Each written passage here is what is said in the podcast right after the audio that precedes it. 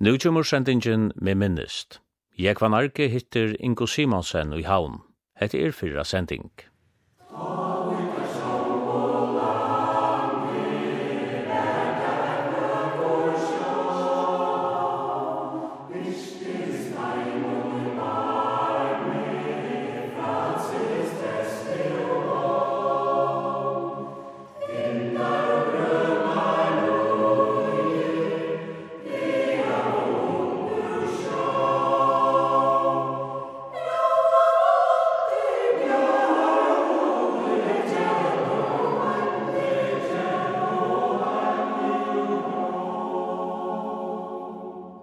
Gjester tjåkon og med minnest i dag er Inga Simonsen i havn. Inga, jeg skiljer til at du medde deg over være havnakone vi Storen ha, men korten er du født i vei. Ja, jeg er født den 21. april i 1941, tror jeg vei. Mamma var færre sår ved Smyrla, og hei eldre siste mine solve vi. Annar veraldar bardage avskar i Østenførjar, og om hetta måtte bomba og tuskarner i havn, så mamma helt at best måtte være at affæra skol til voksa eia med. Her vi ofte hoksa at det var djerft av mamma affæra og bara smyril. Så ta tok det minst seks timer a sykla, og tuskarne kunne jeg eisne finne på at bomba smyril. Men lykka mykje, det gikk alt vel.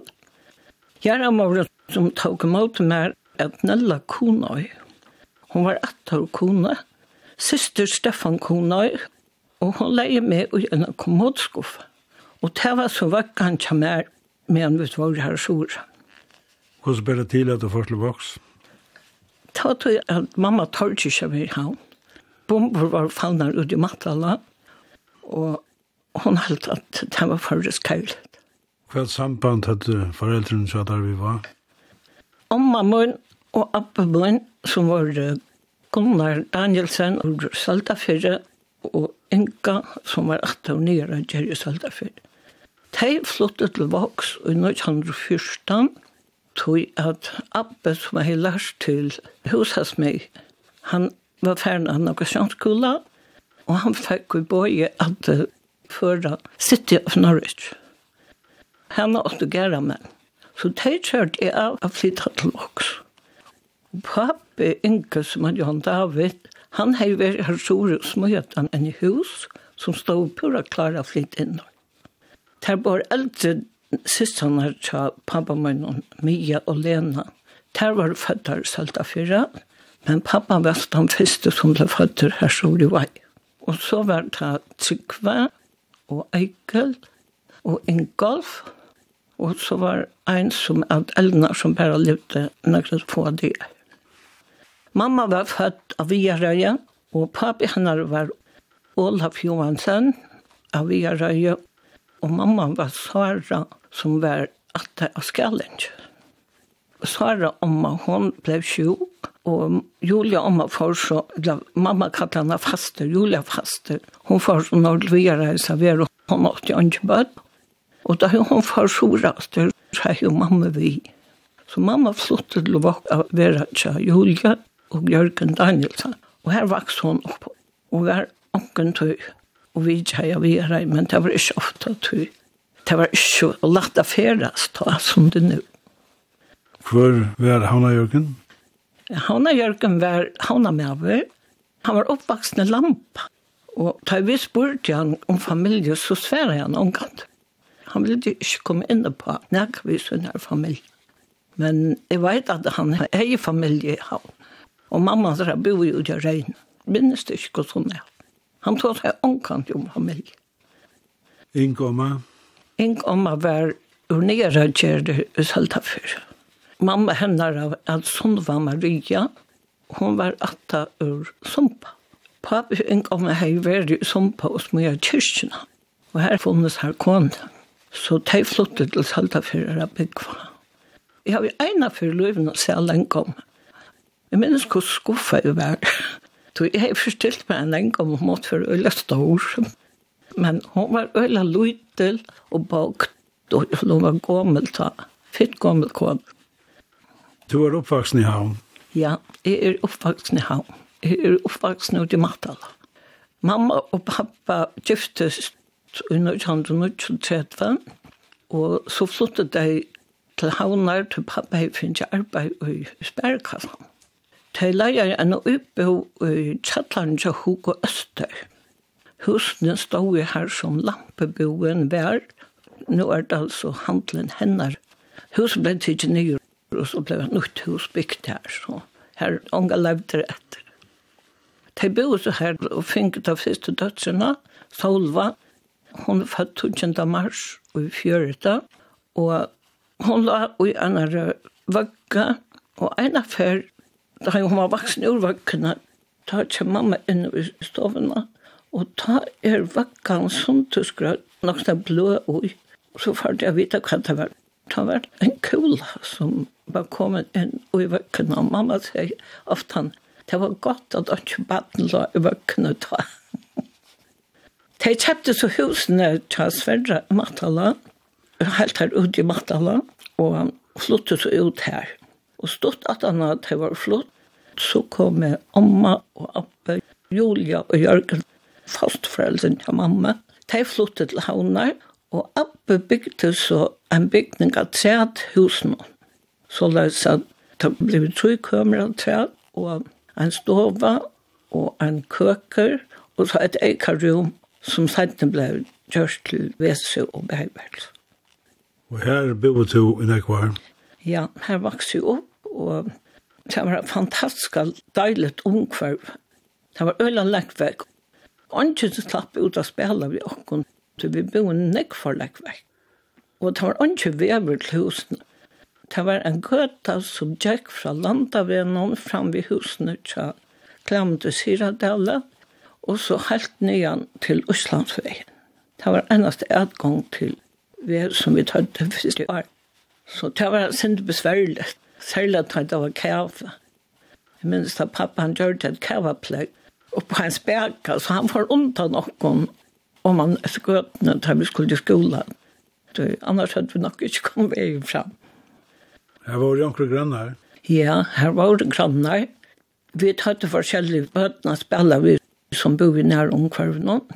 I Rikina, som vi kallar i dag, her bor Malja og Hans Hannes.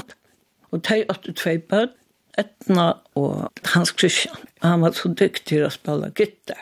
De spalte vidt vi, og så var det bøttene, vi rappte det i Gry. Det var her som Godron og Erland Boga. Og her var Anna og Elsa og Ruth og Petra Hans. De spalte vidt Østnekvei. Og når jeg slatt av noen var huset tjatmarkere av meg. Her bor jeg til vi så innom bøttene, Det var Eifen og Torfen og Gordi. Gordi og vi ble beste vinkomner. Vi tar var vært alles i Arnold og er det enn. De flyttet til Aberdeen i 1946, at han har krutsk var livet, og først skip til å sykle til England vi fiskja, så helt man at det var best å ha en ombudsmann her nere. Og man skal ha meg fikk til å bo i og flytte ned til Aberdeen de får så her. Og det var en sakner til åkken, til Ingeborg var så helt avmyndelig. Mamma går. Vi slapp alltid inn her, og slapp jeg spille i stovene. Og mittlen køtjen og stovene var en luka. Og her sette hun for imes godt til åkken ut av lukene. Det heldt vi til øyla spennende. Og Torfinn, den yngre drunkerne, han har så øyla gode gaver til at underholdt hans vi spalte ofta komedier nere i kjattelen i Tjattheim. Det var simpelthen bare så blod og fytt og gav i alt det som var rundt om meg. Det var en god oppleving som baden opplevde det. Du hittet deg etter seitene ganske? Ja, jeg hittet deg etter først og her til jolder. Da fikk vi den store pakka ur Aberdeen, joldergave. Så det var veldig spennende. Vi falt det akkurat som at det var ikke jol for en patchen ur Aberdeen fra Gordi var kom. Det var lukka som tatt sjån. Hva gjør det deg? Bøttene satt gæra meg. Jeg vet ikke hva det Eifen gjør det, men Torfen han får til Norra. Han gikk universitet, og han får til Norra, og han arbeidde som atomfiskar. Han giftet ved en som het Kari, som skriver i bøk om fargereisene, og det var jo ångte i fargen Gode, hun ble sjukrasøster, og hun lærte i Danmark alt. Og så får hun alltid til Aberdeen, og så enda hun i Holland. Hun kjøpte ved en hollender. Hun bor så utenfor Amsterdam, men noen år. Hun har jo tvær syner. Han har et Torstein, og han har et Mitchell. Og Torstein bor i Aberdeen, og Mitchell han bor i Holland. Og mitt alle hadde tvær dødrar, og Boar skulle hava navn som hadde ett og i. Anna hadde Siri vi ett, og nå minns ikke kusine at man tar øyla viktig at hava et ett og i. Gori hever tvei ett, så mamma ble oppkantla vi ett og dem. Det var nok stort til alt igjen. De tar de æra grannar reisene. Vi tykker at mjölken er tja klammet til Siradalen og Ragnhild, de var øyla fitt folk. De var forresten foreldre til Oddmar Karamar. Og så var det svensk Karamar som eiste bo i her. Og så var det gamle hus, som vi kallet det. Fyrste er minnest, ta bo Ragnhild en massøs og i gamle hus. Sættene så flotte Hassut har til Kragsten i gamle hus. Her var nekva familie bo i hus, og her så løyte. Paul Horsdal og Marion Det var jo æsne her enn i uke. Og om at for husen til åkken var så Polly Matala og Jona, og det er jo også dødsene mer. Annars alt ikke det var noen under hus. Ja, nede ved Kinabrekkene var jo åkker hus. Ah, ja, huset til Dollan. Det stod i Kinabrekkene. Jeg minnes til huset, og jeg minnes til omma var åkker og vidtjeg her omma og kona Dollam var vinkon. Så ble huset helt, og Olaf Andreas, han, de flyttet inn her, men de brodde det meste borster, eller bygde rundt han om et størst hus, og alle loftene var nekv kommer, så de leie uten av gatører. Så i det ser man bare lukka et pett av grunden av huset til Dollam. Det var en stor urtakar rundt han om og en lydel år rann og snødjøkken som rann nyr i bynes som eisne la vi kinnabrekna. Det var en fantastisk vekker havet da jeg var bad. Jeg minnes det vokste himper, tror jeg, og det var trapper som var feltar inn i landsleie, og, og hentan egen som rann i kjøkken her. Vi skulle jeg spela her. Det var en fantastisk speleplass. Alt er vekk nå. Annars var det ikke nek hus her alene som tid boen. Nei, det var ikke for sættene. Det begynte jeg bytja i Grønland, og på Østlandsvenn var onkerhus.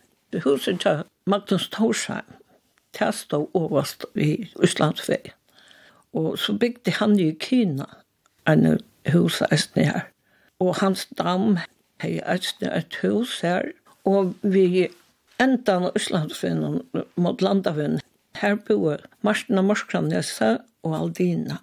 Og så var nyan fyrir Heimon, her hadde åldsmenner, barakker, og her var et kokkhus æstna. Jeg minnes alt det. Jeg minnes det æstna vi tar vært i her som svansmenn var, og vi finner sjokolade fra svansmenn, og tidsjekom. Det var helt fantastisk. og så at han at her var ferner, alle barakkene ble fjernet her, og det ikke ble utstyrt, men kakkhus ble standhand. Og Martin av Marskanes for at han var handel i kakkhusene. Og jeg minns jeg var en tog ikke etter vi har til jeg slapp å hjelpe til her. Her stod man så utenfor dyrstkjøn, og sier han skulle ha valgt susjer, libosteg, og et kilo av mel, så alt var, alt var innpakka, alt ble ordnet innenfor dyrstkjøn. Det er selv jeg som petroleum. Det ble et sånn fitter han til ikke så lengt tjokkene bare som å være hjemme i byen. Men til nøydestasen i hjemme i byen etter hånden? Ja, ja, vi måtte i skola. Altså, da vi først i skola, det var en lenge vever. Først at gøtene om han har landet ved, og så alle landet ved. Han var lenker ta, vi må inn her ved. Og her var ikke leger. Det var husen til Oddmark her, og så bygde Vi kallade henne Strandakonan. Hon byggde en hus hinner med en annan. Och så var det husen till Debs Kristiansen och husen till Helgis Bärna. Och så det gamla huset i mitten. Det som blev fjärna. Det skolan av Tönne blev byggt her. Det minnes jeg eisen til huset. Og hinne minna veien var det Hannes Matala, og langt nyrre var det Arnold, og så var det til Sestorf, som hei brydja rui i tjallaren. Det var øyla stolt for roman her og fra såda vatt. Og så var det en restja fra Dava Stove og så Ansgar Nolse og Samal Kvanna som du bor i Eisne her. Og nere i Slattan var det Alben Bjørnsen. Og hinne menn veien var det Oliver Jensen. Og så var det Askan. Det var lukka som teifeltene som bor i her da. så var det for skolen? Jeg var så ung til for skolen. Siste min var tjej år, og mamma helt at hun kunne ikke være ensam i skolen, så jeg ble sendt skolen vi igjen. Jeg var bare seks år da, og vi var hjemme i gamle kommunskolen, som nå er sætet av borgertøren. Det var øyelig spennende. Vi var øyelig nok bøttene i fløtjen, jeg hadde vi vært enn jeg holdt trus, så begynte vi, men så ble vi som teilt sånt. Det var lærere stå over Ikke så som for klassehusen og stove, men lærerne hadde stove. Det var Ålsens stove, fru Bayers stove, og Davesens stove, og Pjaloften var Vennegsteds stove, og Ålsens stove. Og så var tannlagtene stove, og piver her som borgarstjørnet, det har hevet sitt kontor. Og jeg minnes særlig til jålar, da vi skulle ta seg jólapsa, at alle bøttene får inn i ene stofa, og det var jólapsa av vi til ljósson. Og stofa var smekkfull. Jeg var ofte hos om det at han hvis jeg eldre jeg kom ut, det var en skandal. Og oppi stofa til vendingssted, var for å dekke opp da vi fikk kakao og ball. Det var lukka som årsens hattarpunkt. Hva lærte du? Vi lærte alt mulig. Og han tog det øyla vel å lære å råkne. Og da var han lærte å kunne røst. Jeg har alltid holdt bedre enn han lærte å kunne engst, så begynte jeg minnes. Men det var ikke første klasse. Det var, det var kunne sin lang. Og så gikk vi til håndarbeid, til å prøve her, lærte å binde. Så vi fikk litt grunn til det. Og her gikk du igjen i fem år? Nei, jeg gikk mer enn fem år femte flotje, da kunne man fære til en oppdaggrønn til realskolen. Og der kjørte Solva. Hun får til oppdaggrønn. Hun slapp på realskolen. Men jeg var for ung. Så jeg måtte ganga ett år til til kommunskolan. Så får jeg til oppdaggrønn. Og enda så i realskolen. Og da kommer vi til å ikke ganga samme klasse. Hun gikk en klasse her krene. Hun får ur skolan Pagana Tidje Midtlandskola, og er jeg egentlig her i Fincher i Alexander. Og her var reisende Rikva læreren? Ja, her var en Nekva lærer. Her var Ludvig Petersen, og her var Jakob Kjell, og her var Kristoffer Lutzen, og ikke glemmer Frøngen Kår, og Bette Rasmussen. Tankla Thomas var en lærer i Tjåkon. Vi fikk nekva avbjøring her. Det var ikke større det var, det var rockning og matematikk. Det fikk jeg unga til en hjøtta. Men uh, mer om det var mål. Engst og dangst og førest. Fysikk var helt ikke noe som tiltaler jeg med. Da det var i kommunskolen, da var det reisen i Ivri Evalshusen? Ja, da vi hadde frøken Berit her. Så marsjerer vi om han i Evalshusen. Og vi tatt han i kristne. Her lærte jeg fær var. Jeg har ikke lært det hjemme. Men jeg lærte det her til Frank Mørensen. Og vi sunk i Østene og så. Nå var en øye fytler rundt. Det må jeg si. Minnes han av i taksem. Og det gikk i Østene skole sammen i Arjabøttene? Ja, Arjabøttene kom hver morgen, og, og han sa hvordan det var ikke vært. De kom til gang. Ofte var det øye og at det kom i skole. Arjabøttene la jo så øye og lengt bort til ta. Og det er alt lukket som vokst sammen men ta vær arter, virkelig en bygd for seg. Jeg har skilt av at uh, Gunnar hei bil nok så tull. Ja, pappa kjøpte en sinkerbil at han har krutt, og så slopp vi biltur. Vi hadde jo ikke akkurat til Tyrsbø. Her får vi så inn i Urtankaren, Tjagaset. Det var en opplevelse. Så, så minnes det ene vi pappa fikk vidtjen ur Italien. Så visste han ikke ordentlig hva han skulle vise seg at italienerne, han ville gjerne vise at akkurat til farge. Så helt han svært tidsmør og vise at han ordstakeren til gasse. Det er ofte også om dataene. At jeg hadde ikke vært så imponeret. Jeg råkte vi av blomsten i Italien og var kan nærkene større og verkere enn det som det så i kyrkjøpet. Men det tog vel å lade som om at det helt var ordentlig interessant. Det er kørte her som du kunne køre?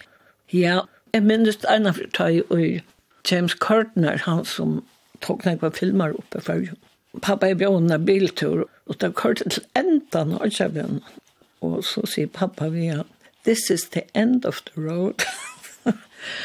han kunde inte förstå att det att man bara kört till ändan av Kjövön.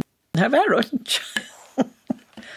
Men tog bättre er allt det här utbyggt nu. Och vi har fantastiska vägar. Och när jag var möjlig att kunna köra alla. Men så svart ikke da. Du gikk i skolen sammen med Nekvon, Bøtnen? Ja. Jeg satt så søgne av Elin Tjekissa. Vi var vinkåner, så vi satt sammen i realskolen.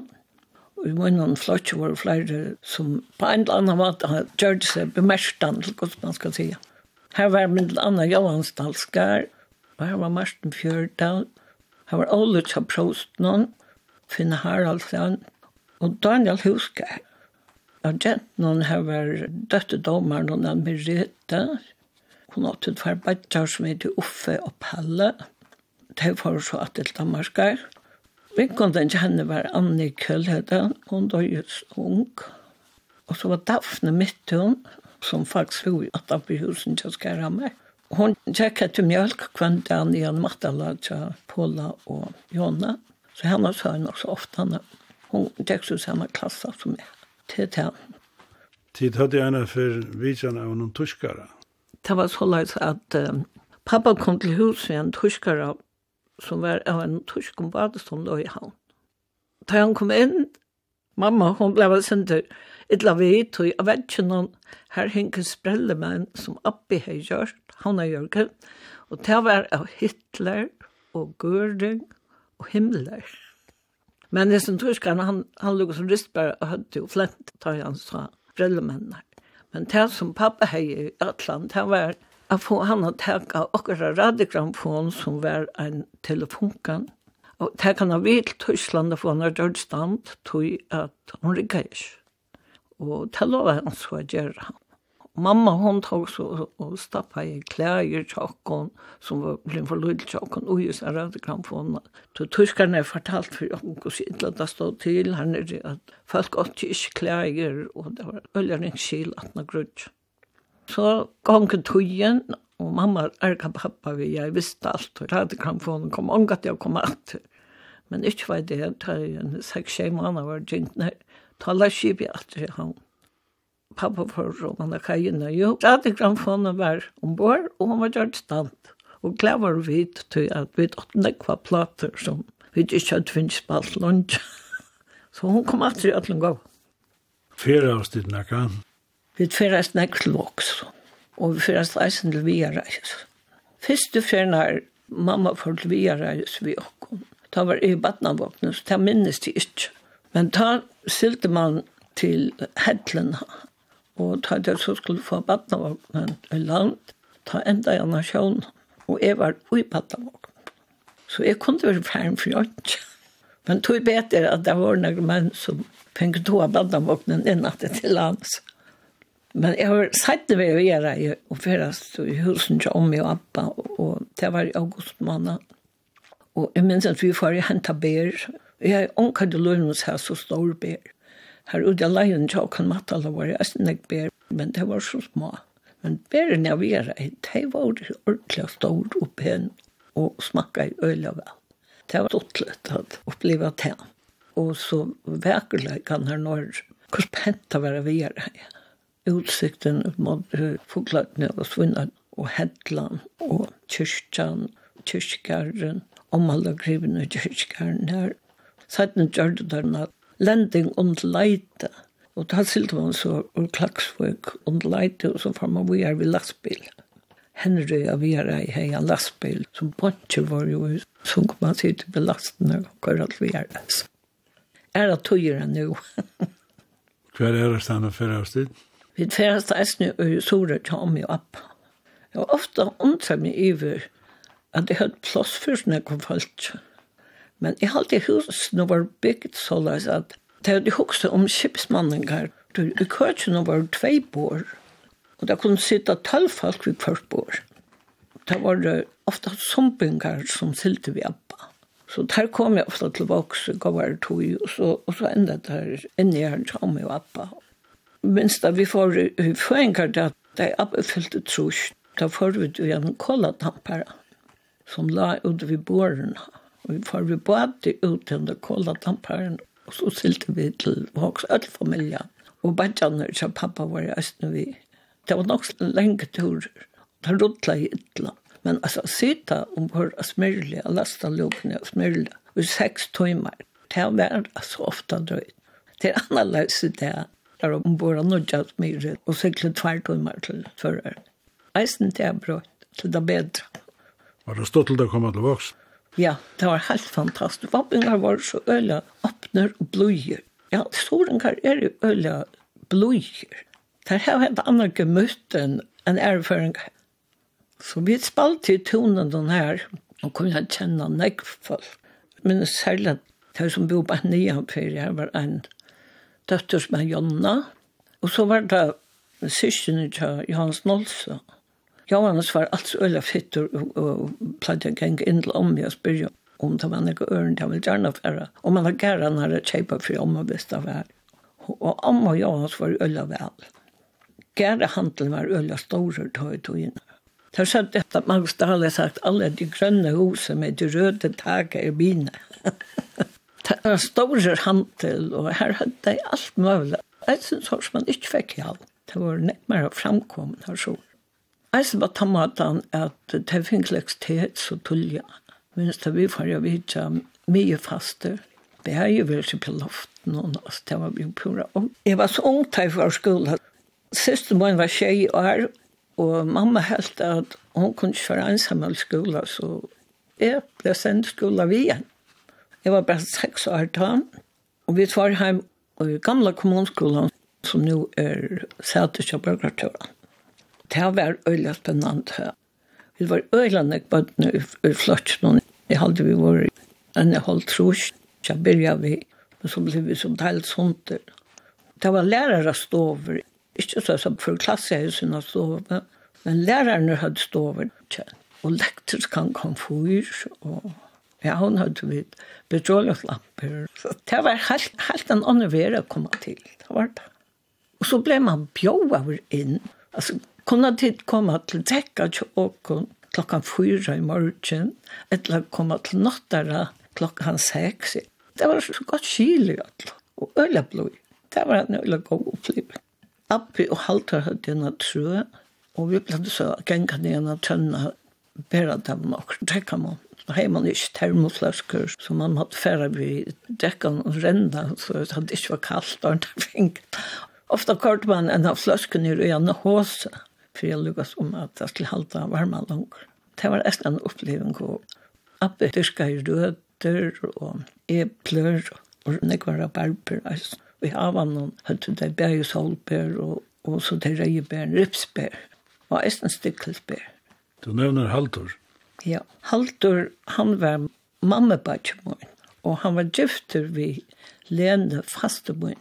Og de finnes jo bare ein son, og han eitir Otni Olafsson. Og da han får i studentaskola, ta selden deg i vaje, og kjøpte seg en rettjus i Østbyen. Og det samme gjør de hinfasteren, Mia faster, som åtte fyra bød, noen åtte andro og Gunvar, og så fikk de tvillingar, og de tvillingene som heter Berger og Bøye skulle til studentaskola, da pakket de eisene sammen, og flyttet til havnar og kjøpt seg en dobbelthus ute ved Vestkirsten. Så det ble ånden etter store og akkurat familie. Det var nok løy. Og husene sa om og appa, det er ikke til langer.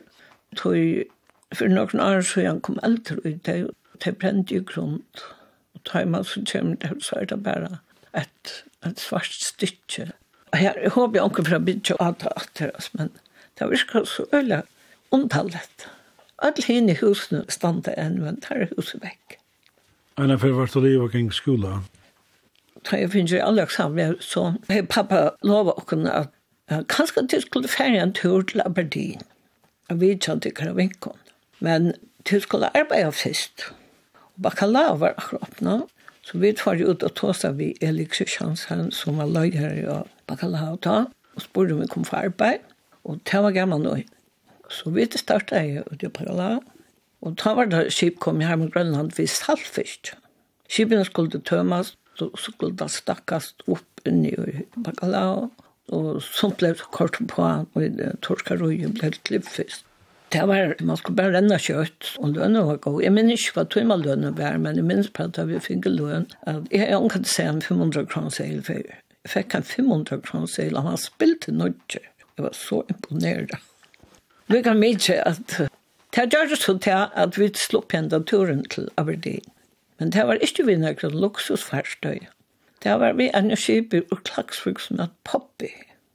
Vi halte med minnast at Poppy sylte vi kvelatføste fra kvelatstøyne vi eier. Nye til Aberdeen, og det var friste blokkar, men det var ikke friste røyenbord av Poppy, så det la i lastene. Og det søtte jeg at det ble brukt til Jorafog. Ferien til Aberdeen tok for timer. Jakke Røytli og Esther, som var syster Ingvar Skaramar, de var i Østene via feriene. Så vi ble vel måltidsen her, og var i Aberdeen en hele måned. Det var en oppleving. For det første så var det øyla blod vi okkon, men eisne teitja kartner som man var ofte førjen, de bjør okkon til forskjellet, og minst en av de gamle kortene, han bjør jo åkken til Haiti. Han hentet jo åkken, og så kortet vi fram vid de andre til en løtlandboi som er bakkeri, og får inn et øl flott hotell, og fikk Haiti. Og vi tog slett ikke opp for åkken. Vi visste slett ikke hva man lette først, og hva man lette sørst, men altså, det lærte vi så. Men. Og her var det så vekkert. Det var nok så nær vi her som slottet som dronningen ned. Så vi kalt og lukket for å bo her. og så ikke det. Her kom dronning Elisabeth av og til og slappe av. Skottland er helt utrolig av ekkert. Mens vi får i byen vid buss, og, og så skulle vi lære oss å si «Three, please», Da vi skulle kjempe billett. Og kalt vi til Unions tid, så tenker vi til handler, vi var jo just ståndene her, og, og vi møtte noen øren unge folk her som går i kjente hos Så. Det var en fantastisk opplevelse. Så har jeg Oddmar meg bestemme at vi skulle reise til Edinburgh. Vi får vi tog til Edinburgh, og vi skulle sitte Edinburgh Castle. Det var ikke tatt hod men, men det rekna nok så et eller vi var i Edinburgh. Og så kom det her når vi skulle opp til Sverige. Men da var det ikke vi poppy, men det var vi drevet sånt. Da var det en som var Niklasen, eller pappi Ernstein Niklas, som var kjipar. Og takk om Tarfen bare til Gori, og Gori der kom bare vi. Og Tarfen heie en mann ur Nigeria, vitelfølger. Han er Viktor. Han gikk universitet i Aberdeen. Vi kom så førjar, og han skapte oppmerksomhet i førjar. Alt vil slippe nærsta vi en hitjen i hånden av henne. Hånden var kvitt, inni ui, men utan av er hun myrk han har faktisk kollat svært. Der var det så i fargen lagt under skip for nyra til Aberdeen. Så lett ferdes man ta. Du får så arbeid, ja? Jeg får at leita meg sånn arbeid. Jeg fikk arbeid i apteken noen. Jeg hjalp han til. Det var kona Otto Beck. Hun heier rockskapet i apteken noen. Jeg slapp å hjelpe henne. Og så slapp jeg å hjelpe til å fylle salver på dober og sånn for kjens. Med her altså en stå fire. Det var klart stått og jeg bare pakker ned igjen av posthuset, som skulle sende et sånt til fargen. Men det var ikke noe verand sted. Det var tvei ting som jeg husker om jeg kunne lære. Anten til teknisk han teknere, et eller annet kontor. Og jeg var så heldig at jeg fikk læreplass av farger gjerrer. Og det var Karsten Rasmussen som var stjål her tatt. Hun var Hansen og snikker og stod hun arbeidde her. Og i husen var eisne matrikkelstovan, og Jens og Dale var kommet til farger, og han skulle lukka som arbeid vi a letja gjerrarøy og matrikkelstovan saman i Einstånd, og vi finka vita da vi tog telefonen, da vi skulle sija bona var avkræsla. Men det gikk ikke så ille godt vi tog i samanleggjengene. Så det enda vi at gjerrarøy for på loftet, og her satt Heimbro, Hans Jakke Jakobsen, som var landbundarrådgjøvere, og Sigmund Dahle, som var landmaler her i Østenkontor på loften. Og jeg og Gunvor Hansen, vi så det så i en av rommene her. Her var en ruff bokhalsmaskina, øyla moderna. Man sette kors ned ui, og skriva en mann. Det var helt av øyla framkommet ta, og lærte jeg å skrive på maskin. Det var ikke noe vi elektriska maskin eller annat. Om man skulle ordentligt bruka krefter. Och rota arkiv och att föra journal. Så det var faktiskt en kontorutbyggning som var ordentligt god. Och det första ørende som jeg skulle gjøre, det var at jeg skulle fære til velbastøyer vi biler og få en underskrift fra denne Paula Danielsen i behovene på et festebrev. Han var formøver i Gjeraran. Og her kom en ekve bønder av Vitsa og sånt, og Orsakastyrkene av Tettenrikken, det har de eisne under Gjerardar. Så man sa fann ekve imisk folk, og eisne arbeidsfellene som var her, og det er man sikkelstånd. Her var Kim Johannesen, han satt i avgræslene, og Rita Olsen var eisne her, til er bare i færen. Liz Godsen og Fritz Larsen, de var i en av rommene her, med korsten og våre. Og så var det Arnlei og Gøte, det Gøtta, Døttelutjattband og Gøte. Hun var æstnær, hun var en bemerkelsesverdig dame. Så det var ordentlig stolt at kommer kjenne at disse folkene. Da jeg var lige og gjøre rann og jeg bestemte meg for en tur til Danmark her. Da fikk han en yrkjøng som jeg bror yrkjø til morgen. Og jeg var gammelt han så rei av godt. Det var ordentlig fitt. Det var noe som avskjøs helsa fra henne. Det var det.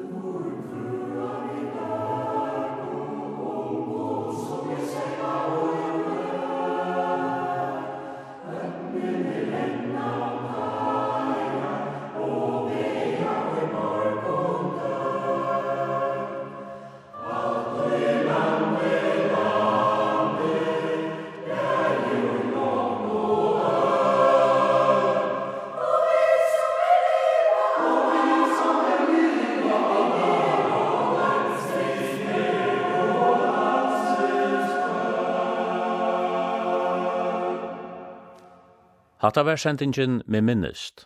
Jeg var narki hitte Ingo Simonsen. Hetta var fyrra sending.